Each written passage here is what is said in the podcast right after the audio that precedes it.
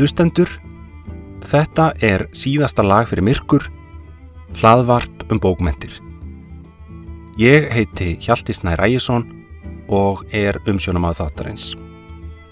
Þetta er fyrsti þáttur og í dag verður fjallað um skáldsöguna Beðið eftir barbörnum eftir Jóð M. Kutsíe í íslenskri þýðingu Sigurlínu Davíðsdóttur og Rúnars Helga Vignessonar. Þessi nýja hlaðvarp-seria er byggð á komlum grunni sem er lestrafélagið framför en þar er um að ræða lesring bókasaps Hafnafjörðar sem ég hef starfrækt frá árinu 2005.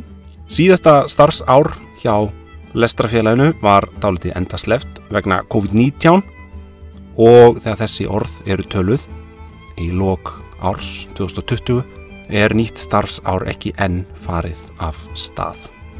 Samkomu takmarkanir hafa verið strángar og kórnveiran hefur sett allt úr skorðum hjá lestrafélaginu eins og lestum öðrum.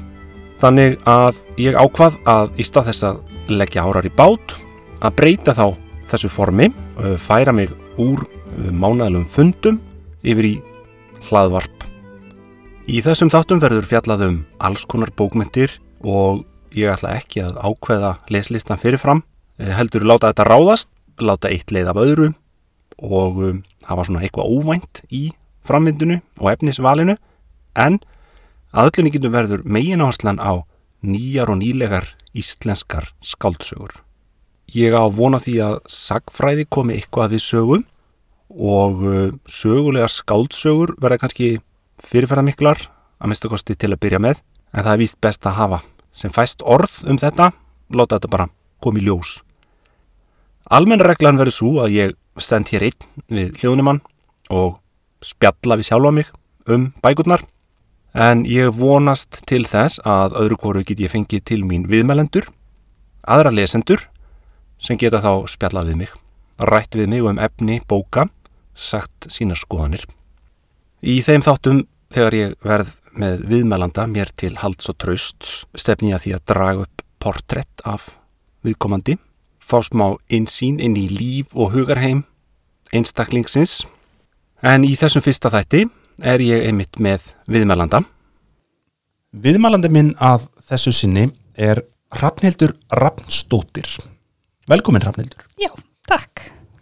Þú ert mistranemi í reitlist, ekki satt? Já. Og bókmyndafræðingur. Já, ég er ný útskrifaður, uh, útskrifaður bókmyndafræðingur og komst inn í reitlistina núna í haust. Já, reitlist. Hva, hvað er reitlist? Útskrifa það nú fyrir okkur. Úf, ok. Reitlist er uh, listin að skrifa, að skapa. Bæði smásögur, um, ljóð, leikrita handrit, kveikmynda handrit. Það er rauninni bara svolítið mikið stökkpallur fyrir þá sem vilja skrifa. En þú þarft að taka ákveð magn af sagt, svona fræðilegum áfengum. Þar sem að þú getur til dæmis tekið áfanga í íslensku eða bókmyndafræði og það er vissulega eins fræðilegra heldur en þessar bókmynd eða rítlistar smiðjur. Þannig að hver nefndi tegur svona sitt líti á kóru? Já, þú ert í rauninni svolítið og ferð að ráða þessu svolítið mikið. Ég til dæmis hef áhuga líka á meðaldabókmyndum þannig að ég er svolítið, já, mitt að taka bæði reitlistar áfanga en svo ætla ég að reyna að sníkla inn ykkur um svona miðaldafræðum. Eh, þú hefur, hefur byrt smásögur, ekki satt? Jú, eða sko ég hérna gaf út bók eða var partur af bók með, ég held að við vorum tíu höfundar og við gáum út smásagnasafn sem heitir Óreiða. Og hvernig tilfinningu var það að fá svona e, sína eigin sköpun á brent? Það var uh, svolítið óraunverulegt og mjög gaman. Stressandi? Mjög stressandi af því að ég er búin að vera að skrifa bara fyrir sjálfum mig í mörg ár. Já, mjög fyrðulegt er mig þegar mamma og pappi voru að fletta í bókinu og ég bara, hva, hvað eru þið að gera? Þetta er persónuleg skrif. Já, þetta er svolítið svona, maður er svolítið afhjúpa sjálfa sig. Mjög, mjög mikið. Það er náttúrulega, það er náttúrulega þessi reytvöndar kannski þurfa að gera. Ég meina þetta er, maður er svolítið berskjaldar, ekki satt? Jú, um, og þú ert náttúrulega svolítið mikið að skrifa um þig og þína. Nú, þú ert, uh, þú ert hafðfyrringur Já. og uppalinn í hafnafyrði. Mm Uh, hvar í bænum áttur þú heima? Ég átti heima hérna á Hrundstík sem er bara hérna beint fyrir ofan, sérst, í, í miðbænum. Býtum við, það er út frá hverju skötu. Já, Já, pínu, pónsu, lítil gata já, já, raunstígur, já. Já.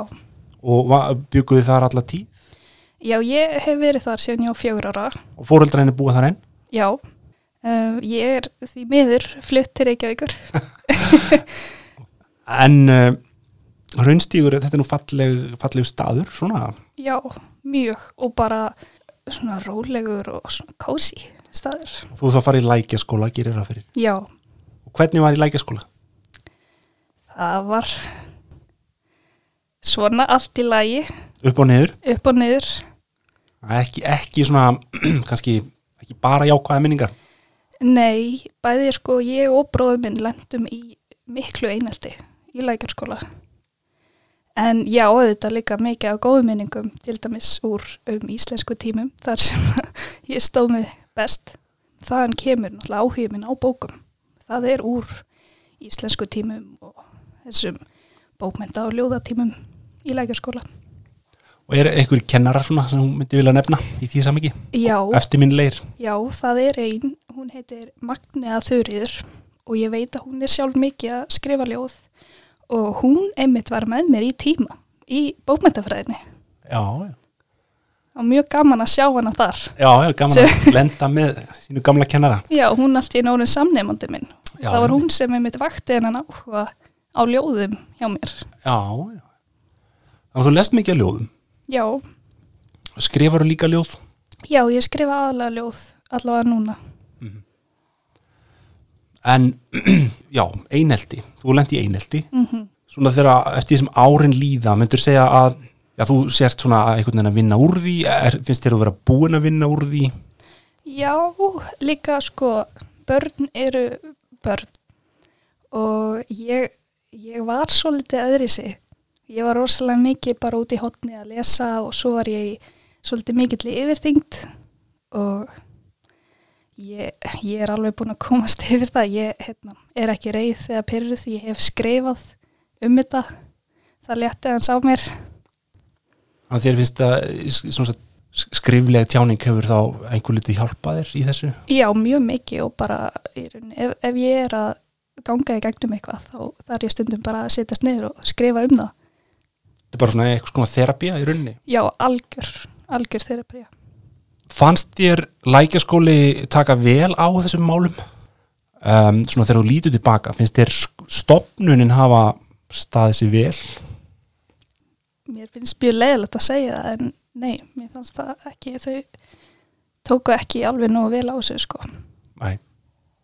Kanski bara uh, reynsluleysi eða áhugaleysi, er þetta að útskýra það eitthvað neginn?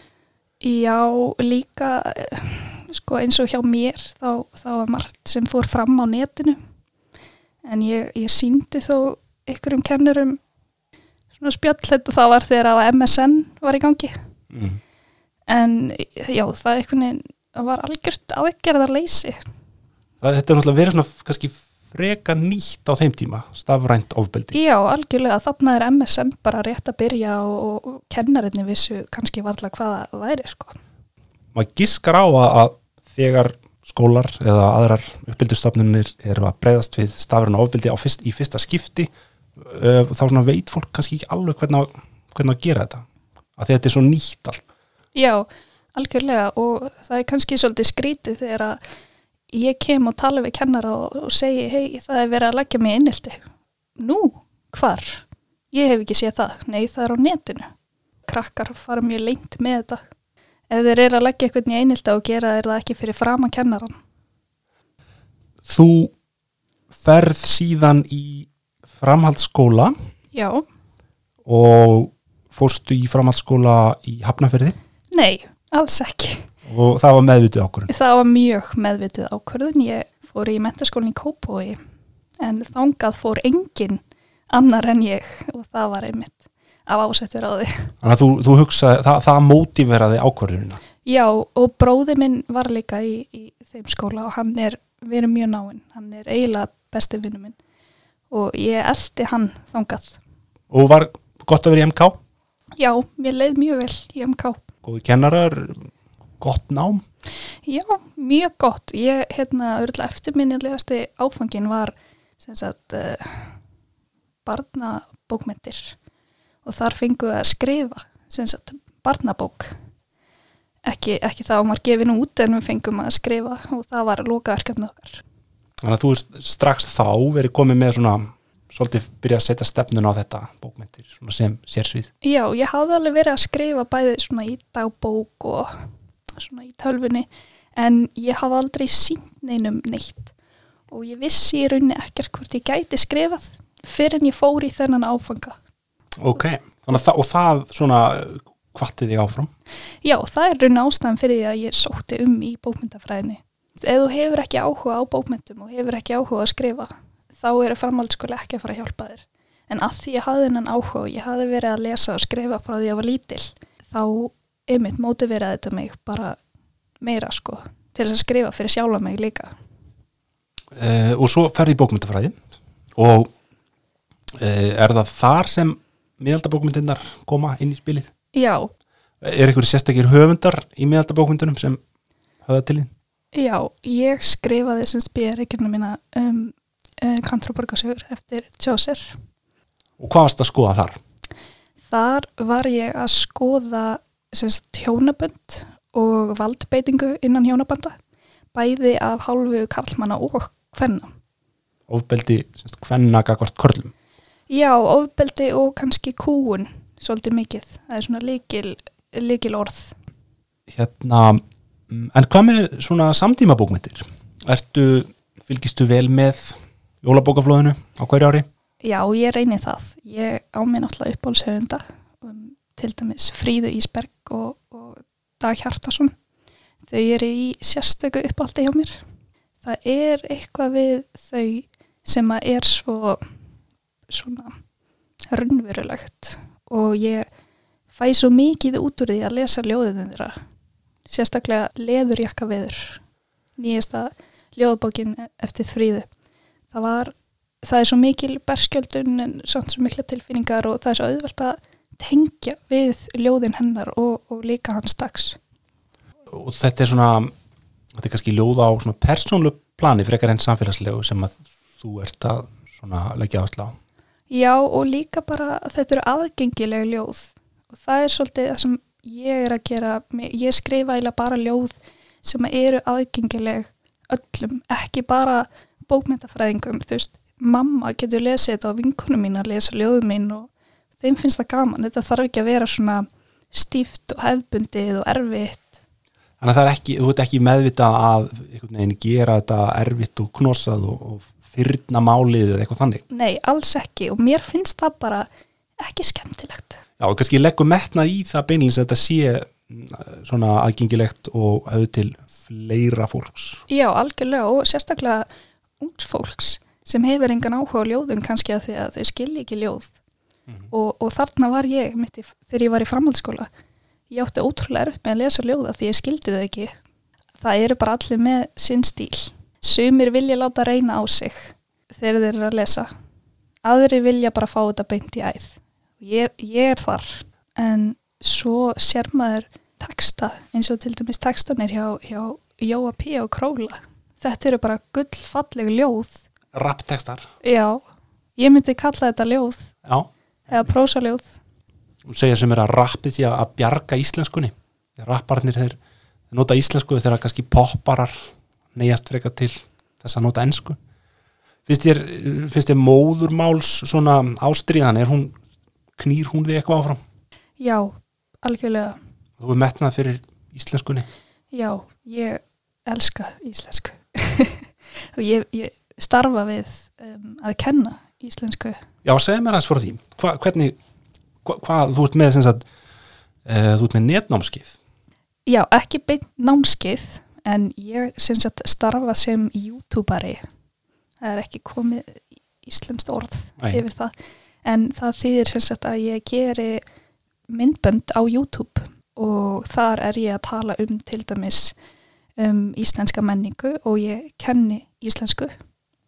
Og kenni, sem sagt, ert með kennslu myndbönd fyrir útlendinga, mæntalega. Já, Já. sérstaklega fólk sem er að flytja hingað og, og einmitt þurfa að læra tungumálið því að það er ekki mikil kennsla á, á netinu, það er ekki mikið um, efni. Og þú ert að taka fyrir eh, ekki bara málfræði og tungumál, þetta líka svona menningarlega fyrirbæri. Já, ég er svolítið að bera saman um, ólíka menningar uh, sérstaklega Ísland og Bandaríkin þar sem að stærsti áhrundahópurum minn er frá Bandaríkunum og svo finnst mér mjög gaman að tala um norræna góða fræði þar hef ég gert nokkur vídeo um til dæmis hvernig maður á að segja orð og nöfn úr norræna góða fræði það er rauninni vinsalustu vídeo mín. Það er öruglega út af Marvel myndunum Já, Thor. Já, og- Thor og Avengers Vikings, hérna, serían. Já, algjörlega, jú. Ég gerði einmitt vídeo um Vikings, það hefnaðist mjög vel. Og þannig að þú farið svona feedback frá aðdáðandum þessara mynda og þátta. Já, þeir, það er líka að fólki finnst ótrúlega skemmtilegt að hlusta á íslensku. Það er náttúrulega ótrúlega fallegt tungumál. Þú, ta- þetta er á ennsku samt, myndböndin er, þú talar á ennsku í myndböndunum. Satt. Já, en ég er náttúrulega að bera fram orð á íslensku og ég hef gert nokkur vídeo á íslensku með bara ennskum texta. Fólki finnst það æði að hlusta á mig tala íslensku. já. Er ekki, er ekki svolítið mikið vinna í þessu? Klippa þetta saman og texta og svona þetta nú. Jú, þetta er full vinna. Þetta er, þetta er, er það sem ég starfa við. Og þú hefur tekjur af þessu. Já, það koma þennast auglýsingar um, bæði fyrir og eftir vídjóið og stundum í miðjunni líka og svo er ég með styrtar aðila. Um, og kom með ákveðin hóp þá fylgjenda eða svo leiðis. Já, ég til dæmis er með 240.000 fylgjendur sem þýðir að ég, ég má alveg búast við allavega 50 til 100.000 áhörum á hvert já. Þannig ég veit alltaf svona sirka. Já, það er svona grunnur til staðar. Já, og svo eru einmitt þessi styrtaraðilar um, tekinar koma aðilega frá þeim. Og þetta er rosalega svona snappi, þetta er svona hratt og hérna, það skiptir svolítið máli að halda einhvern veginn aðteglinni. Já, og ég klippi þetta alveg. Ég er kannski að tala í klukkutíma og svo skila ég frá mér tíu mínuna vídjói. Tími fólks á internetinu er rosalega svona, þetta er rosalega hörð samkefni, það þarf að halda þeim. Já, um, fólk er, það nennir ekki að horfa á lung vídjó. Að Þetta er svona, þú ert svona í þessum nýja hópi sem að sumir kalla áhrifavaldar. Hvernig er það? Veist, hvernig eru viðbröð fólks? Finnst þér þú finna fyrir fordómum, jáfnvel? Um, já, fyrst, þegar ég var í mentaskóla, ég byrja á þessu, já, ég held ég var á fyrsta eða- öðru ári í mentaskóla og þá var enginn á Íslandi að gera YouTube-vídeó, það var bara fáramlegt og mjög astnalegt. Og þá byrjar að gera semst vídeo á sem eru svona, kennsla eða, Nei, ég byrja á bara alls konar svona vídeo um það sem ég er að föndra og mála og teikna og, og svo fer ég aðeins út í það að gera make-up-vídeó. Og svo ger ég eitt vídeo um Ísland að bara prófa og það sprakk. já, ok, Og þá hugsa ég, ok, nú ger ég bara vídeo um Ísland. þannig er vettvangurinn, einhvern veginn. Já, Og er, en fyrstu viðbröð, þeim bara að taka svona fyrstu skrefin, þau eru kannski svona neykslun eða fólki finnst það bara bjánalegt eða, Já, eð, sko, ef ég hefði byrjað til dæmis núna í dag, þá væri viðbröðun öruglega aðeins jákveðari af því að þetta er svona aðeins venjulegra innan gæsalappa í dag heldur en þetta var þá. og það, að- já, það er bara, þetta er algengara og það eru fleiri í þessu. Já, og, og fólki finnst, finnst þetta í rauninu bara svolítið töff í dag. Mér langar aðeins að tala aftur um eineltið sem hún nefndir áðan. Já, Þú varst fyrir einelti í grunnskóla og þú ert ekki nema 22 ára mm en samt talar eins og þú sést svona bara í rauninni búin að vinna úr þessu en fólk sem upplifir þetta er oft alveg bara alla æfi eða þú veist langt fram yfir, ég veit ekki, 40-50 að vinna úr þessum áföllum um, hefur þú fengið einhvers konar um, einhvert samband frá gerendunum eða semst frá fólkinu sem læði þig í einhelti Já, á, það á hafa, setni árum meina ég. já, það hafa tveir sem sést, strákar komið til mín bara face to face og beðið með afsökunar. og hvernig var það? Ég, mér fannst það bara gott. Eða ég, einhvern veginn er ekki reið og hef aldrei verið reið yfir þessu. Ég, ég skil að þetta var ekki neitt sem ég gerði og ég veit að annar þeirra hérna, honum leið bara mjög illa og, og ég skil að, að já, bara stundum þegar manni liður illa þá tekur maður það út á einhverjum öðrum og ég einhvern veginn er alveg búin að komast yfir þetta og líka meina um, að starfa sem youtuberi það, er svolítið mikið áreiti og, og ljót ummæli á netinu sem fylgir því. Og það eru hatarar í komandakerfinu já, já, já, já, nóa þeim. Og bara fólk sem þekkir ekki neitt á? Já, aðalega sko karlmenn frá Ameríku. Já, já. það eru svona og um hvað snúast þá uh, ummæli á þessu dagi Sko ég hef verið kölluð öllum millunöfnum, ég er feit, ég er ljót, ég er heimsk. En það sem ég gerði er að ég blokkaði bara, þú getur sko blokkað ákveðin orð. Þannig að þú reynir að kommenta sko feit eða ljót já, þá, þá kemur bara error. Já, svo leiðis ég tæklaði það bara þannig. Þetta er möguleiki sem YouTube og svona síður bjóð upp á.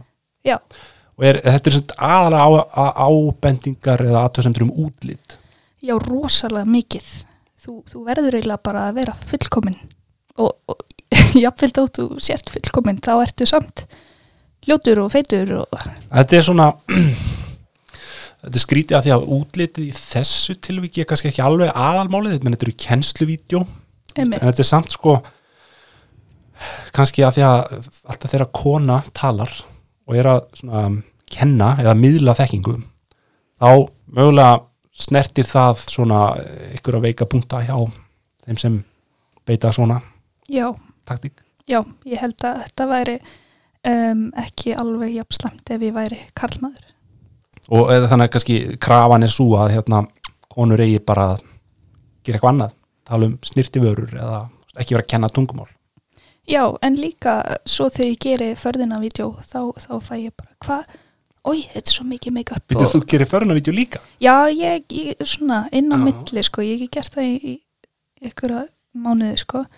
En, en svo fæ ég, þú er svo ljót þegar þú ert ómáluð og svo þegar ég mála mig þá kemur, þú ert með allt og mikið á málingu, af hverju, af hverju er þetta ekki ómáluð? Þannig að Já, já, þetta er erfitt. Þetta, já, en, erfitt að gera öllum til hæfis. Já, það er ekki hægt. Það er ekki hægt. Nei, Það nei, nei, En þetta er svona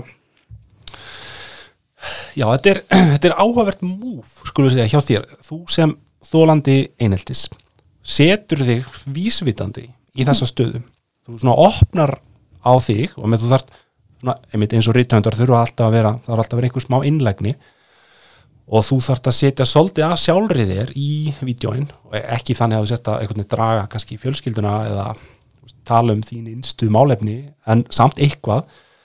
Og já, kannski gæti einhverju haldið fram að þetta veri óvænt að, að, að sagt, þólandi eineltis skuli taka þessa leið Já, sko, ég var ekki að reyna að verða ykkur youtuberi og þegar ég byrjaði þá sko síndi ég ekkert nema hendunar á mér. Ég síndi aldrei andlitið á mér, ég bjóð til sko dulnefni og sko það var í raun ekki fyrir ég að komi með það mikið af fylgjendum að það var orðið svolítið skrítið að þeir höfðu aldrei sé andlitið á mér. Þá, þá fór ég að sína mér andlitið og, og hérna og ég, ég veit ekki, ég var kannski ekkert að búast við neikvæðum umalum, já það kom bara svolítið óvænt, ég, ég vissi ekki hvað ég var að koma mér út í. um, Segð mér hans frá foreldruðinum Já, Hver eru þau? já það eru sko mestu snillingar í hafnaferði. Hérna, já pappi minn heitir Ar Ar Arnar Guðansson, um, hann er frábær finnastið maður sem ég þekki. Hann hérna var mikill torfæru kappi sem mér finnst mjög töff. Kefti í Torfaru? Já, hann kefti torfæri á, á Rauða prinsinum og ég var einmitt að skrifa ljóð um þetta um daginn. þannig að Ok. Þetta er mér ofarlega í huga. Já, já um, og var hann svona þekktur í þeirri kreðsu já, var og er kannski. Já, það held ég. Ég held að hann sé eitthvað svona góðsögn sko, ég held að hann hafi hætt þegar ég var kannski fimm ára. Já, já, þannig að þetta er aðeins svona fyrir þitt minni kannski. Já, en ég man nú samtali, sko, torfæribillin var inn í bílskur, mér fannst mjög gaman að setja í honum og fylgjast með pappa svona. mannst eftir að hafa farið á torfæru? Já, ég man eitthvað eftir því sko, og hann hættir þarna bara því hann er upptíkin við að alveg börn og eitthvað annað? Já, ég vil fá að meina, ég á þrjá bræður. Ég held að ég hafi mýkt hann svolítið mikið. Þú átt þrjá eldri bræður já, þrjá, já, þú er, ert stelpan, fjórða barni og fyrsta stelpan. Já. Ég, þetta er mín kenning, ég veit ekki hvort að hann sé sammála. Já, þetta er skemmtileg kenning. Og, en hvað starfar hann? já, hann er með fyrirtæki hérna í Hafnaferi sem heitir RAG Import Export.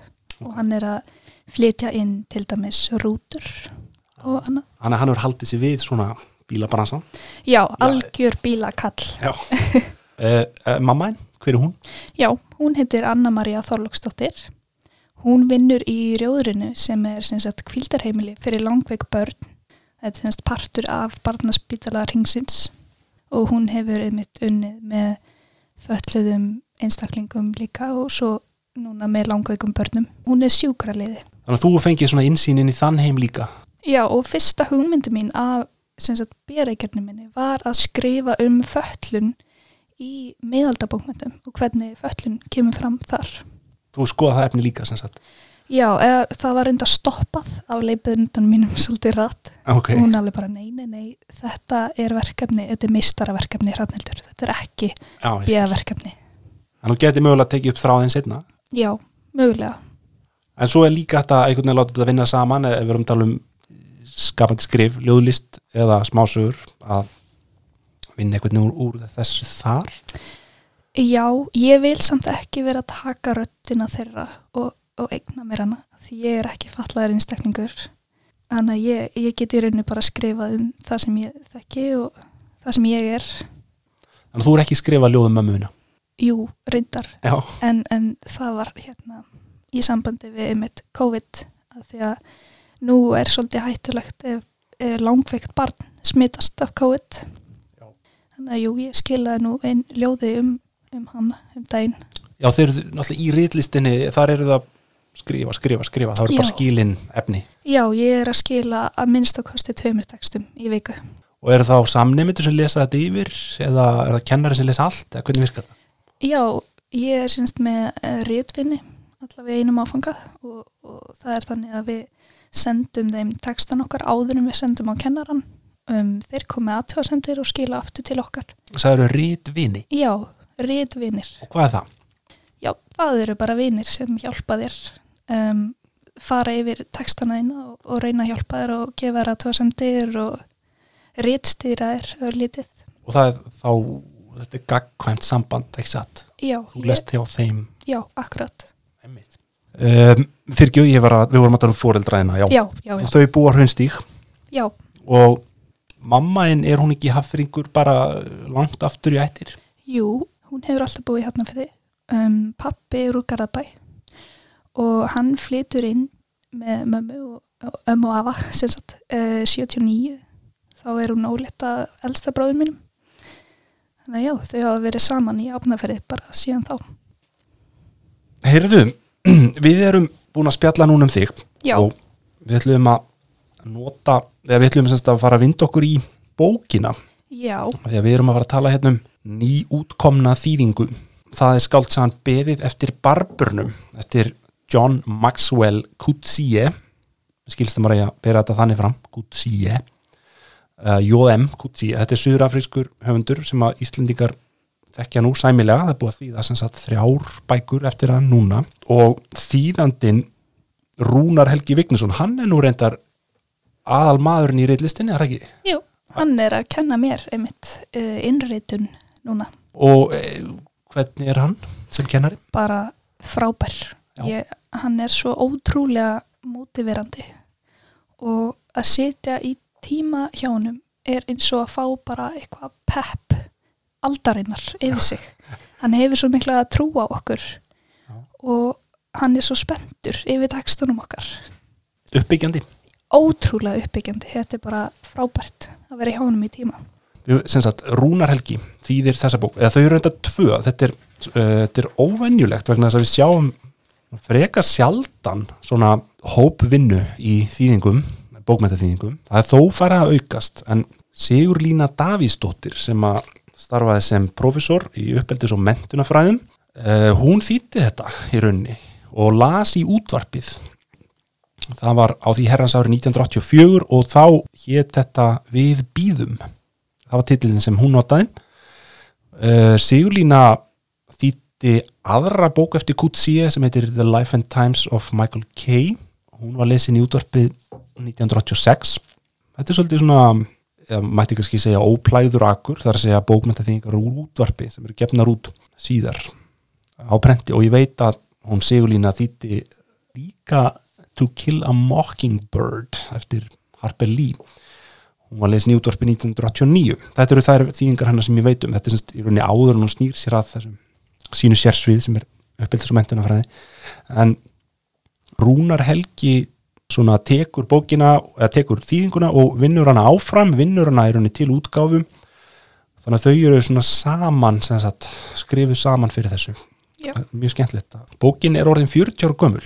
Hún kom út 1980 og tilheri suður afrískum bókmentum enda er Kutsie suður afrískur höfundur, hann býr að vísu í Ástralíu núna en var búsettur í Cape Town held ég þegar þessi bók kom. Hvernig fannst þið bókin? Fyrsta spurning. Já, góð spurning. Mér fannst þetta rosaleg bók. Um, mjög góð mjög þung ólík mörgum bókum sem ég hef lesið. En já, hún hafði rosalega mikil áhrif á mig. Bókin er skrifuð svona án allra ítarlega smáatriða. Personuðar heita stundum ekki neitt til dæmis aðalpersonan hann er bara kallaður dómarinn. Við vitum ekki nafnið hans við vitum ekki í hvað landi þetta gerist við vitum ekki hvenar þetta gerist það, það er voru lítið um svona haldfastar upplýsingar hérna Einmitt, þetta er allt mjög órætt og, svolítið draumkent. Ég sko veldi fyrir mér hvort það sé bara vegna rítskoðunar. Það er svolítið skemmtilegt að geta svolítið bara búið sér til þennan heim og, og ímynda sér þetta. Já, þetta er einmitt góð punktur með rítskoðununa því að þetta er þetta, gefið út á tíma eh, aðskilnaðstefnunar og allt sem kemur út í Suður Afrika á þessum tíma er fyrir gegnum rítskoðuna batteri.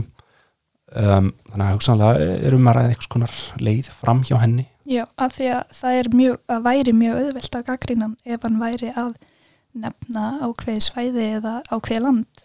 og kynþættir þess að eru þannig bara ekki sagt neitt um þá hér. Við veitum ekkit hver er hvítur og hver er svartur í þessari bók. Nei, einmitt og það er mjög sniðug leið hjá honum. það er í þessari þýðingu þetta er sem sagt, það er Una útgáfuhús sem gefur út bókina. Þetta er gríðilega vönduð og fín útgáfa seria, síkild samtímaverk. Þetta er fyrsta bókin í þeirri serju mér skilst það séu fleiri á leiðinni. Og það fylgir hér geysilega góður eftirmáli eftir Einar Kára Jóhansson eh, sem er einn af útgefundunum og hann útskýrir alveg mjög vel finnst mér svona helstu atrið fer yfir nýlendu stefnu, yfir aðskilnastefnuna höfundaverk Kutsie og svo framvegis, þetta er svona gott að hafa hann hérna með þennan eftirmála. Jú, algjörlega og þetta mætti alveg vera í fleiri bókum. Emmitt, þegar um að ræða svona þýðingar sem eru komin kannski til ára sinna og gott að fá svona þetta sögulega samingi. Já, sérstaklega þegar þetta er frá heimi, menningarheimi sem er svo ólíkur okkar eigin. Það er svo gott að, að fá þessar upplýsingar til þess að átta sig á bara aðstæðum og, og, og slíkt. Þetta opnar sannarlega svona einhverja nýja leiðir inn í bókina.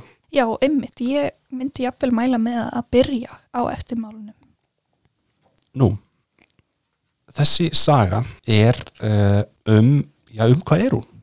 Getur þú sagt með það? Já, ég skal, ég skal reyna að segja það.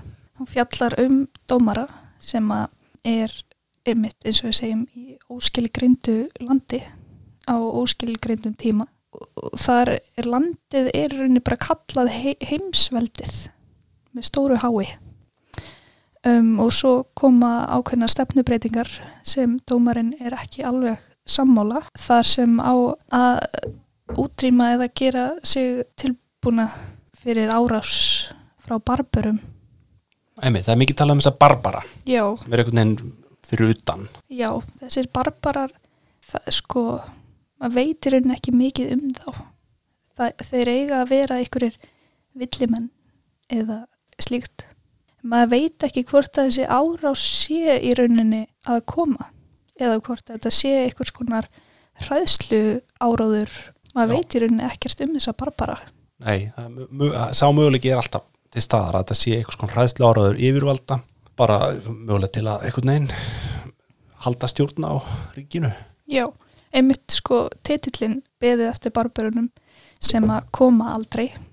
Ég sá einmitt í eftirmálunum að, að hann Kutsie um, fekk mikið innblástur frá Beckett sem að skrifa beðið eftir Godot sem að einmitt kemur aldrei. Já, einmitt, það er nú kannski líka eh, þessi, þessi hérna Beckett og Kafka heimur sem að Kutsi er svona mentaður í þetta er hérna útskýri kannski einmitt svolítið af hverju þetta er svona, þessi bók er eins og hún er sko. þetta er ekki, veist, það er ekki hægt að banalisera þetta þannig að, að barbararnir svör- svörtumennir og heimsveldið séu hvítu nýlendu herrarnir en, en það eru sannarlega tengingar það eru, það eru svona atriði sem er hægt að, að tengja sko aðskilnaðstefnunni og sögu, sögu Suður Afríku þekktasta dæmið er náttúrulega kannski þessi fiskimaður þar segja í byrjun bókurinnar þá er dómarinn, aðalpersonan hann fær heimsókn frá þessum uh, yfirmanni sínum sem er ofursti og heitir Joel.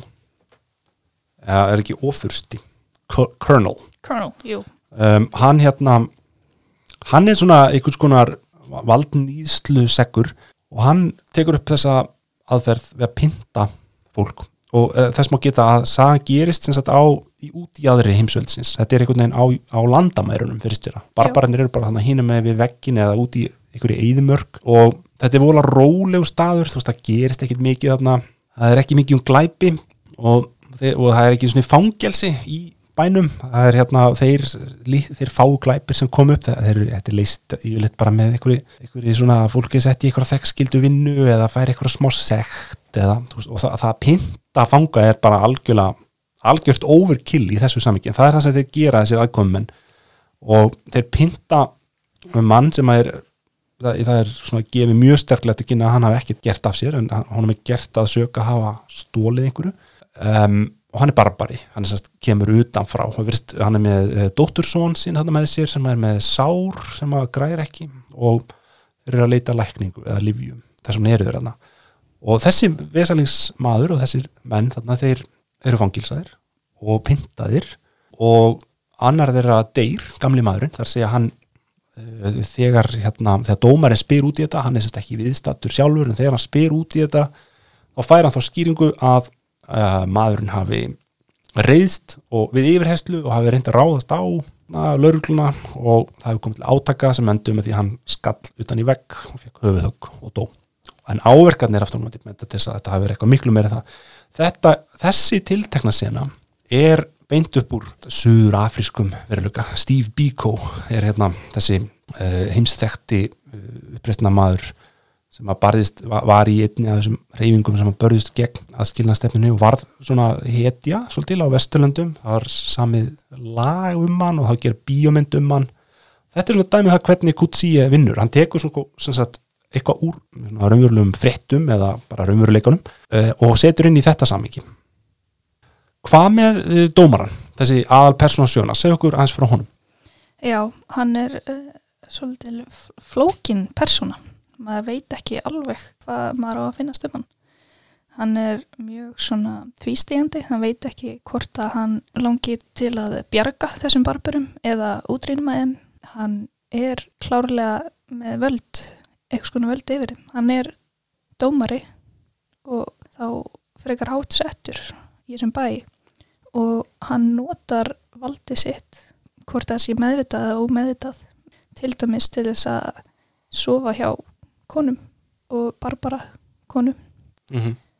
um, það er þessi stúlka sem er um, já, dóttir mannsins þarna sem deyri pyntingunum hún um, kemur eða það er sett í kjölfara þessu þá, þá er gerð einhvers konar rassía þarna og Colonel Joel og þeir félagarnir þeir taka fullt af fólki og setja í fangilsi og yfirheyra og pinta og þessi stúlka þarna er í þeim hópi. Og hún er, hún uh, er bara örkumluð hreinlega. Já, og hann tekur hana þarna inn mögulega bara út af samvinskupiti eða forvitni eða kynferðislegri löngun, maður veit það ekki alveg. Já, þetta er eitthvað svona blanda og hann er, e, einmitt, svolítið eins og sé að frið þegar kannski fyrir ofbeldið sem stopnunni sem hann vinnu fyrir ber ábyrð á. Já, algjörlega, þeir eru mitt fótbrjótana og hann eigðir kvöld, kvöldum í að nutta á henni fótleikina og reyna að púsla saman því sem var brotið. Um, einmitt, og hérna, og hún er blind líka. Já. Það kemur aldrei fram beinlis hvort að hún var það áður eða hvort hún blindaðist semst, við pyntingarnar. Já, ég lasaði allavega þannig að þeir hefðu blindað hana. En er, eh, er þetta ógeðfeldu nági, dómarinn, að þínum mati? Sko, það er erfitt að líka vel við hann en það er líka auðvelt að því að ég held að hann meini vel hann vill bara að hann og samfélagi sitt bara búi í þessum frið eins og þið byggu í áður hann, hann veit sjálfur ekki hvað hann stendur og, og það kemur held ég fram með mitt í bókinni að hann veit ekki alveg hvort að hann sé sammóla heimsveldinu eða ekki. Já, hann er svona, hann vinnur fyrir heimsveldið og hefur gert það bara alla sína starfsæfi, skoðst mjög lengi. Og það hefur aldrei verið þetta vandamál sko á meðan allt er í lægi en svo kemur einhver óróleiki eða einhver myndur óróleiki, við veitum ekki alveg hversu mikil fótur er fyrir þessu en allavega kemur þarna þessi sendinem og þessir menn sem segja það að nú séu barbarnir að fara að gera innrás og það þurfum við svona að gera svona árás á þá fyrst sko fyrirfram til þess að fyrirbyggja átök og hérna og þá fer hann svona þá er, sko, er hann svolítið stilt við vekk þá þarf hann svolítið að taka ákvarðanir sko. Já og hann, hann á rosalega erfitt með að taka afstöðu hann veit öruglega hvað er í gangi í kringum sig kannski á öðrum í öðrum bæjum eða á, á mörgum annar staðar en, en hann talar ekki um það. En svo þegar þetta er að gerast beint fyrir framannan þá, þá höndlar hann það ekki. Hann, hann vill ekki sjá pyntingarnar. Hann, hann veit kannski að þeim en einmitt þegar þetta er komið svona beint fyrir framannan þá, þá erður hann að stöðva þetta. En á sama tíma er hann ekkert að reyna að sko stöðu en eitt annað. Hann er ekki svona, hann sýnir ekki mikið frumkvæði sko fyrir en einhvern veginn hann þarf svona að horfa á þetta beinlis já, algjörlega.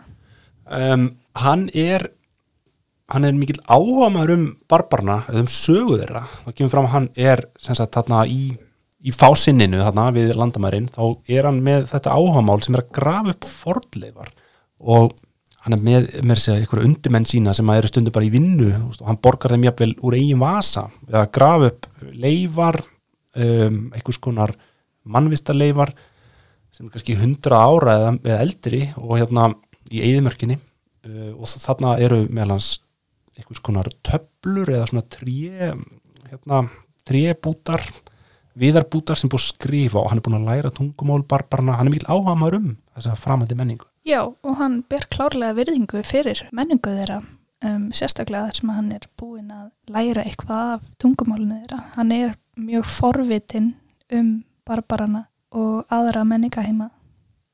Þannig að hann er öðruvísi en yfirmenninir, þarna Jól og þeir, að, þessu leiti. Þeir einhvern veginn smætta barbarana bara nýri villimenn, hafa engan áhuga á menningu þeirra eða neitt slíkt en, en þessi gaur hann þó hefur, hefur eitthvað svona áhuga? Já, hann hefur áhuga greinilega á öðru fólki. Hann er náttúrulega dómari. Hann vinnur með fólki. Og einmitt, hann lítur á barbarna sem fólk eins og maður á að gera. Og þegar það er á einum tímapúti það sem hann segir einmitt við Jól, þetta eru menn, þetta er ekki dýr. Einmitt, hann, hann hleypur hann í veg fyrir þegar það er, er verið að einhvern veginn nýðurlægi þarna hópmanna eða reynilega bara ráðast á eitthvað svona ofinber hýðing verist vera. Um, en höldum okkur aðeins við sögúþráðin þá hérna það er þessi stúlka sem að kemur semst, eftir að Joel og félagar eru búin að gera rassíu í bænum þá og eru farnir, þá er ákveðin hópur hérna eftir. Og þessi st- stúlka sem er barbari, hún er bara einhvern veginn á götunni, hún virðist vera bettlari og um, já, blind og fótbrotin afskaplega bjargarlaus og hann tekur hana upp á sína arma bara þegar með hana heimti sín og hún býr hjá honum beinlinis. Já, maður er svolítið óviss um hvað hann ætla að gera við hana. Um, einmitt eins og við töluðum um er hann aðsögu vegna samskupits eða, eða kynlífs en hann náttúrulega sefur ekki hjá henni í fyrstu. Nei, þetta er, þetta er svona, þetta er mjög erotíst sko, en það er samt, hann tekur fram að það, er ekki samræði beinlinis. Nei, en hann fær vissulega eitthvað út úr því hérna, við að nuttana svona. Já, einmitt. Það er hérna, og það er líka eins og Einar Kári talar aðeins um í eftirmálunum, þá er þeirra samband er í rauninni einhvers konar metafóra kannski fyrir bara samskipti heimsveldisins og barbarana. Það er að segja að þetta er valdamaður og þetta er hinn undirokkað sem er þar að ekki kona.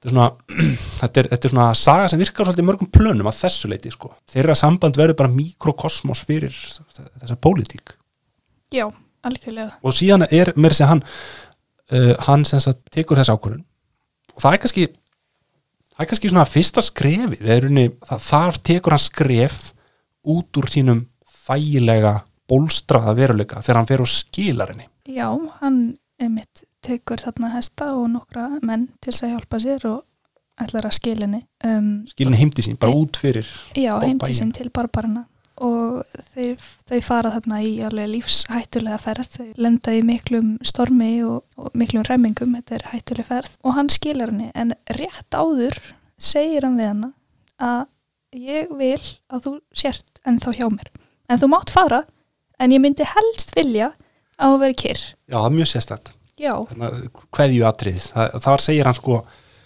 nú máttu velja, þú mátt koma aftur með mér heim. Já, og hún velur að, að fara sem að kom mér smá ávart já, eða kannski, ég, ég veit ekki en mér fannst kannski eins og henni leið vel hjá hennum en svo kemur hann í ljós. Já, já, einmitt. Það, það er svona, það útskýrist betur síðar í sögunni. Já, hérna, en þegar hann kemur svo tilbaka dómarinn, þá eru Joel og hans menn komnir aftur í bæinn. já, Þá fer nú að syrta í álinn hjá okkar manni. já þá dómarinn er náttúrulega búinn að fremja landrán með því að eiga svona samskipti við óvinnina og villimennina Já, fara, fara í leifisleysi af starfstöðum sínum yfir til ofinrins. Hann er einhvern veginn sjálfkrafa afgreittur bara sem svíkari. já, en hann er í rauninni bara að gera allt betra og, og reyna að koma þessu aftur í hitt um, upprænlega stand sko Já, það, maður mað þarf nú að gefa nú smá kredit fyrir þetta. Hann skuli þó fara í þetta. Meina, hann fórna sér og þetta hefur það raflegingar að hann bara missir sína stöðu og er bara fangilsaður og pyntaður með þessi kjölfarið. Já, þetta er einmitt ástæðan af hverju það er erfitt að hata hann. en, e, og það er líka áhafvert í sko, þegar hann er yfirheyrður þannig eftir á, þá koma þeir þá er þeir búin að fara í gegnum allt óti hans búin að, búin að tæma allar bókahillunar og, og sem sagt, þeir átt að segja á því þessir valda menn þarna að hann er mikill áhuga maður um barbarana. Þeir fatta hvað hann er búin að fara að gera hann er búin að, búin að sagt, þeir sjá all, alla þessar, alla þessar viðarbúta þarna með skriftinni og veit ekkert hvað þetta er. Spyrja bara hvaða skilabóð eru þetta og og þá getur hann þýtt þetta. Þeir, þeir, þeir, reikna með þetta sé einhvers konar gögn um sem sanna það að hann sé svíkari. En svo kemur á daginn þetta eru, þetta eru fornar heimildir. En þessi áhugi hans á barburunum er notaður gegn honum klálega og það er þegar, svo, þegar hann er nýðurlaður já þegar hann er hengdur upp hann í kaðal og í kvenmannsfötum svo til að grafa undan karlmennsku hans þá heyrir hann hrópað sko, hann er að kalla á vini sína barbarana, segir einhver þetta er tungumál barbara sem þið heyrið. Hann er sem sagt um, hann er gerðið tortryggilegur þetta sem er í rauninni bara svona á fordleifa fræðilegur eða sagfræðilegur áhugi. Það er einhvern veginn nota gegn honum.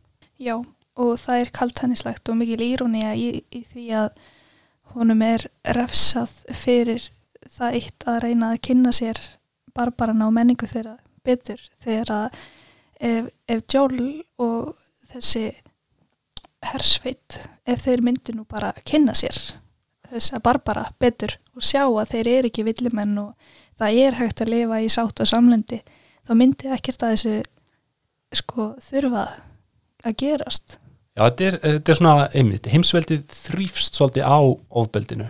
Það byggist upp á því að útloka og að kúa og það er ekkit á dagskrá að vera með samtal eða diplomatísk, di- diplomatísk samskipti.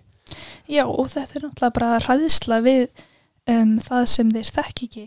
Þeir, þeir skil ekki bara bara er kunningi tungumáli er að ymmið þeir hafa ekki hugmynd um að hvort að þeir séu í rauninni að fara að ráðast á þá eða ekki.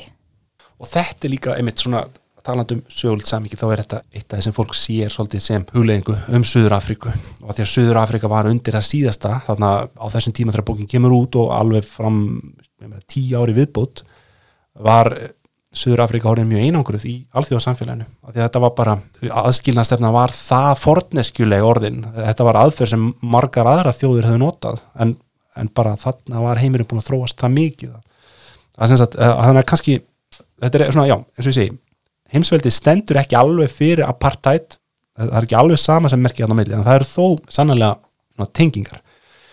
Það er í lóksögun eða undir, undir lóksögunar kemur sena það sem að þessi Mandel er á sviðinu. Hann er einhvers konar svona bully fyrir Joel þarna, og, aðstofa maður hans og sér um skítverkin svolítið fyrir hann. Um, þar er honum augrað, þar að dómarinn augrar honum svolítið og segir sko, segir við hann hvernig tilfinning er það að borða þegar maður er búin að pynta aðra? Og er þetta ekki að setjast bara, fara bara úr vinnunni þar sem þú ert búin að vera að pynta og drepa fólk og fara svo bara heimtíðin í faðum fjölskyldnar, hvernig tilfinning er þetta?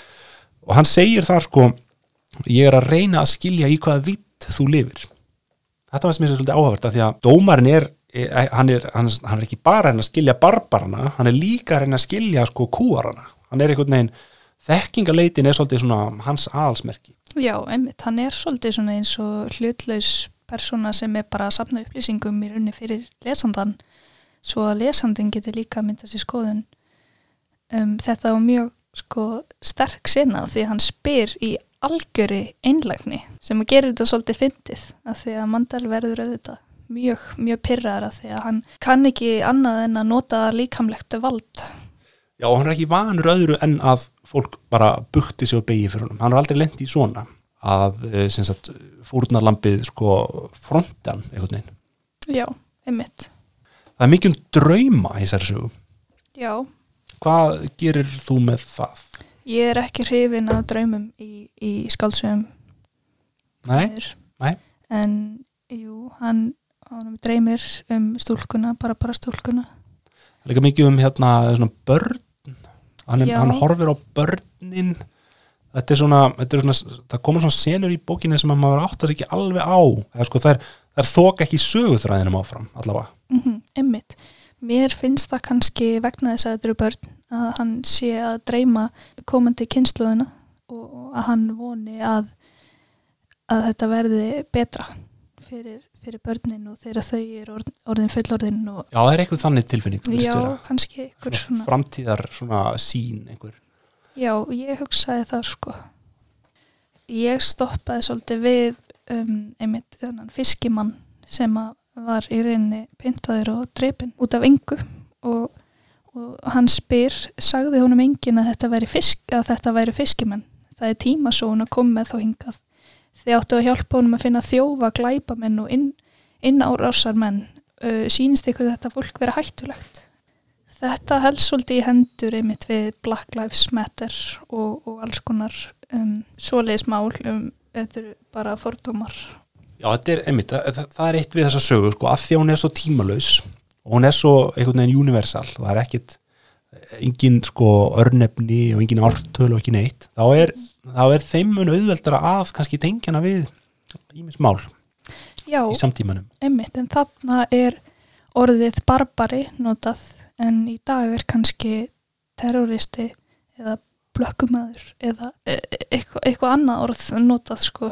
og finnst þér svona, myndur þú segja aðferðir heimsveldisins væru kannski sambarlegar við já, eitthvað af því sem Black Lives Matter reyfingin hefur verið að gaggrina Já, þetta er náttúrulega bara misbeiting valds um, uh, það sem að þeir gera er runni að nákvæmlega sama og kannski lauruglumenn sérstaklega þá í bandaríkjunum eru að gera, þeir eru að misnota vald sitt af, því að þeir eru rættir við eitthvað sem er öðru sig.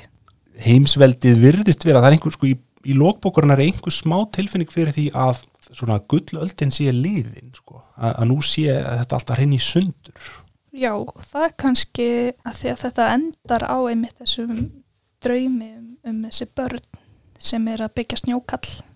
Kannski eru þau að byggja nýjan heim en ekki snjókall. Það geti verið. Hann segir líka að það vanti, að vanti hendur og það vanti augu á snjókallin. Það er kannski þetta vald eða misbending sem að vantar en það er verið að byggja upp snjókall eða sagt heim án valds, án pyntingar. Já, einmitt. Í, í blálókin, eða sem sagt, á, kannski, já, áður en þessi, þetta er alveg á síðustu síðunni, þessi sena með snjókallin, en þar á undan er, er, eh, sko, dómarinn, hann er einn eftir einhvern veginn og það er, um, ástandið er breytt, það eru fáir eftir þarna í bænum, Joel og hans menn eru búin að snúa allavega kvolf, en þá kemur uh, áhugaverð sena sem hann er að hugsa um skrásetningu og sagfræði, að því hann er sagfræði áhuga maður sjálfur og er búin að vera stúdira gamlar rítheimildir frá barbörnum. Og hann hugsaður sko, ætla ég sjálfur að skrifa mína sögu Mm -hmm. hugsaður eitthvað um, þessar lið á dómarunum Já, nú man ég ekki hvar þetta kemur fram en hérna, mér minnir ég því miður ekki með þetta fyrir fram mig en mér minnir að, að Joel eða Mandel segi við hann hérna, það, það er enginn að skrá niður þitt líf. Það er öllum sama um þig.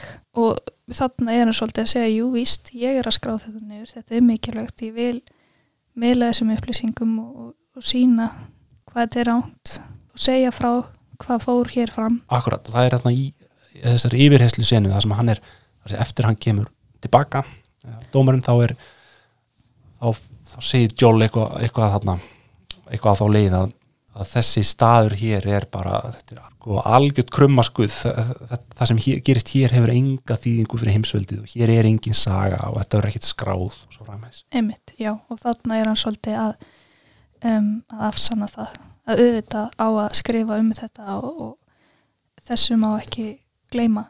Já, hann er einmitt, það er kannski eitthvað smá uppreist jáfnvel í þessu líka. Já, og kannski bara að, að, að sína afleggingar ábeldisins að það sem þeir voru að gera var í rauninni tilgangslist af því að þessi barbarar þeir kom aldrei Nei, nei, það er einmitt svona sem ítur kannski undir þann skilning okkar að þetta sé bara tilbúningur. Þe- Þeir eru engin og þetta er bara va- valdamennir eru, þeir þurfa á óvinnunum að halda bara svona sem, sem hugmynd sko, bara til að tryggja einhvern veginn eigin völd. Já, þeir nota þetta einmitt bara til þess að, að hræða íbúana og, og fá tröst íbúana. Þeir segja við munum vernd ykkur, þá, þá væntalega munum þau hlýða því að þau halda að þau sé að fá ykkur skona vernd frá þessum villimunum, frá þessum barburum. Nú er nýlega búið að gera mynd eftir þessari bókum og ég veit að þú ert búin að horfa myndina. Já, Hvað, hérna, hvað getur þú sagt mér um þetta, þennan samaburð, bók og mynd? já, ég er nú yfirleitt hreifnari af bókinni.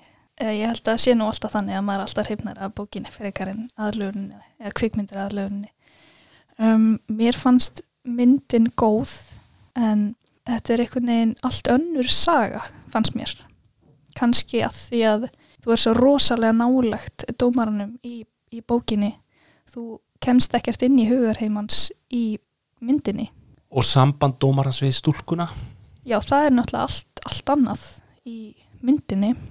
Þau eru ekki jafn líkamleg í myndinni, það er alveg tekið út. Hann uh, nuttar bara fæturnar hennar en ekki neitt annað. Nei, hann er ekki á neittni svona grensu með sko samskipti. Já, hann er svolítið pervertískur í, í bókinni og hugsa mikið um líkama og líkama sinn og öldrun sína og, og konur. Það sá vingil svolítið, dettur svolítið út í myndinni. Já, hann dettur alveg út í myndinni sem gerir honum að um, svolítið góðungur í, í myndinni. En Joel, aftur á móti, hann er, hann er kannski líkari í myndinni. Er að að Joel í bókinni og Jolly í myndinni þeir eru standa nær hver öðrum heldur en dómarinn Já, einmitt, en maður kemst náttúrulega auðvitað ekki inn í hugarheim hans í bókinni, sko. Nei, hann er fjarlægari Já, Johnny Depp leikur hann í myndinni já, Fæstur hann gera það vel? já, hann, mér fannst það mjög flottur. Já, hann er svona freka creepy Já, þessi gleru Já, voru frábær, sko. Já, gerðu mjög mikið. hann er ekki svona í, í, í þessum venjulega Hollywood stjörnu gýr þarna hann er ekki mikið kyntákn í þessari mynd Nei, og maður sér hann náttúrulega voðalega lítið út af glerugunum. Já, einmitt, andlitið hans er svona, hann er með gleraugun semst sól, svört, kolsvört sólgleru, megniða myndinni. Og reyndar, og hann er það líka í bókinni hann bókin byrjar á því að það er að tala um þessi sólgleru. Þau hljóta ná að tákna eitthvað sko, þetta er eitt af þessum atriðum sem eru svona, þú veist, að Kutsi skuli fókusir á þetta, maður hugsa bara þetta lítur að tákna eitthvað, en ég áttum ekki alveg hvað. Fegst ekki þessa tilvinningu nokkur svona í bókinni? Það er, það er fókus á eitthvað smáatriði og maður veit ekki alveg hvað maður að gera með það já, einmitt, og hann náttúrulega byrjar bókina á því að lýsa þessum skrýtnu glerugum, þetta er ekki venlega sólglerugu. Um, ég kannski, einmitt með dettur í hug, sko, ég held að hafi Tjekkoff hafi sagt að, að þú ferð aldrei með byssu inn á svið án þess að nota hana. Þetta er svolítið, þessi sólgleru eru greinilega, þetta er eitthvað skona byssa, sko, eða þú veist, um, ég veit ekki hvort að, að hann sé bara að meina að hann er svo blindur fyrir bara því sem er að gerast í kringum hann eða það er eitthvað sem hann sér ekki. Líka einn tólkun sem er vinsæl sko að hérna, þetta er svolítið eins og panoptikon hjá Foucault, að segja valdið sko sést ekki. Veist, er, hann, hann blokkar augnaræði hjá sjálfum sér já, og augun eru spegitt sálarinnar og hérna, þetta er kannski að einhver litið svona verið til að svifta hann mennskunni. Já, hann segir náttúrulega sjálfur að hann sé með sér sólliru til þess að þess að fá ekki rökkur Já, einmitt. Kann, kannski er það bara máli Já, já, gibla sem minna einhvern veginn í sólinni. Um, Mandel er hann í myndinni líka. Já, Hver leikur hann áttur? já, það var Robert Pattinson. Uh, fannst það bara mjög góður. Hann er búin að vera að taka einmitt mjög flott hlutverk núna undir farið aðeins að stiga upp úr Twilight um, rillingnum Já, hann var þar, já. Já, en hann, já, hann er að fara að leika einmitt Batman og, Ok, og leiki Tenant, mjög, mjög flott mynd sem að var að koma út. Já, einmitt. Um, Hann er bara ágættur í myndinni, fannst mér. Já, mér Svona- fannst að ná þessum ógeðfelda manni mjög vel, maður var alveg Já, maður fann einmitt þess, þennan kulda og þess harnesku Já, hann er svona ógnandi. Já, hann, er, hann er svona uppstökkari. Á meðan Joel er algjörlega frosinn og tilfinningulegs Já, mér, mér fannst þetta sko mjög flott hvernig Jól var settur upp að því að hann er, hann verður eiginlega að vera svolítið sko ómennskur til að gera þessa ómennskur hluti. Um, og hann kannski táknast á meira þetta sálræna vald og á meðan mandel er þetta líkamlega vald. En myndin fylgir bókinu alveg svona freka vel. Já, Það er engar meiri átt að breytingar í sögunni. Nei, kannski bara þetta með einmitt að maður fær ekki að heyra hugsanir hans sem að er auðvitað ekki skrítið. Tók eftir ég að Kutsi er sjálfur er skráða fyrir handritinu á myndinni Já, það kom mér á óvart. Mér fannst það sko kom mér á óvart að því að, að dómarinn er, er gjör ólík.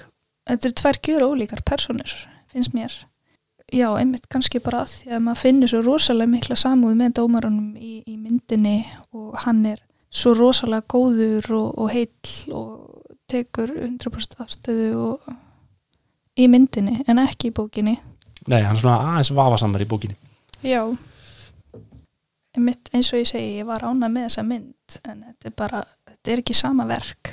Nei, það sem að mér finnst svo flott við þessa bók er að dómarinn er svo ótrúlega vel sköpu persóna og, og maður veit aldrei einhvern veginn hvað maður á að finnast og, og hann segir svo ótrúlega tæp, tæpa hluti sko og hann er svo óviss og hann segir meira segja til hvers að þjáðust að völdu mannana í lillabláu einkenninsbúningunum ef ég er ekki handviss um réttmæti eigin málstæðar og þetta er svo flotta því að það hefði kannski verið svo auðvelt að skrifa þessa bók út frá Barbara en ekki út frá einmitt ykkurum valdamanni í þessum bæ.